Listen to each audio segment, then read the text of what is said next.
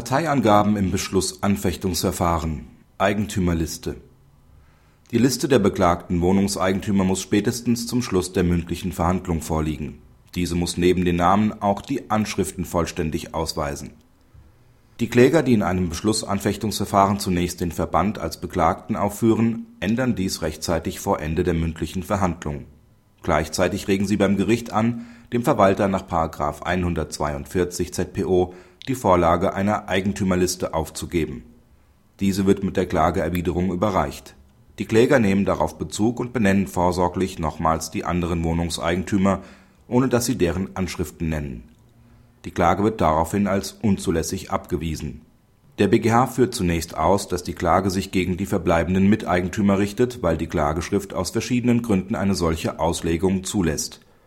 Zudem bestehen gegen die Zulässigkeit der Klage keine Bedenken zwar sind nach den § 253 Absatz 2 Nr. 1 Absatz 4 und § 130 ZPO die Parteien grundsätzlich mit Namen und vollständiger Anschrift anzugeben, darauf kann nur verzichtet werden, wenn dies unter bestimmten Umständen nicht möglich oder nicht zumutbar ist.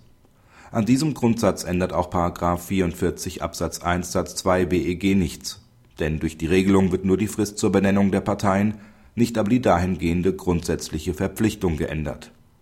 Vorliegend ist, weil die Beklagten die Liste mit den notwendigen Angaben bereits vorgelegt haben, den Anforderungen jedoch Genüge getan. Alles andere stellt eine unnötige Formelei dar, wenn sich das Gericht bereits im Besitz der Angaben befindet. Praxishinweis Weiterhin scheint der Senat seiner bereits mehrfach kritisierten Rechtsprechung, dass ein Austausch der Parteien bis zum Ende der mündlichen Verhandlung möglich ist, zu folgen zwar war ein solches Problem vorliegend nicht entscheidend, jedoch nimmt er darauf zumindest Bezug. Darüber hinaus betont er aber auch, dass die Klageschrift hinsichtlich der richtigen Partei ausgelegt werden kann. Dies entspricht der herrschenden Meinung in Literatur und Instanzrechtsprechung. Dass die Formalien einer Klage erfüllt sein müssen, dürfte selbstverständlich sein. § 44 Absatz 1 Satz 2 BEG anders zu verstehen, ist nahezu nicht möglich. Für die Praxis ist mit der Entscheidung aber die wichtige Frage geklärt dass der Kläger sich auf eine mit Anschriften versehene Eigentümerliste berufen kann, wenn diese von den Beklagten oder dem Verwalter zunächst nicht übermittelt, sondern erst später zur Gerichtsakte gereicht wird und er sich sicherheitshalber darauf bezieht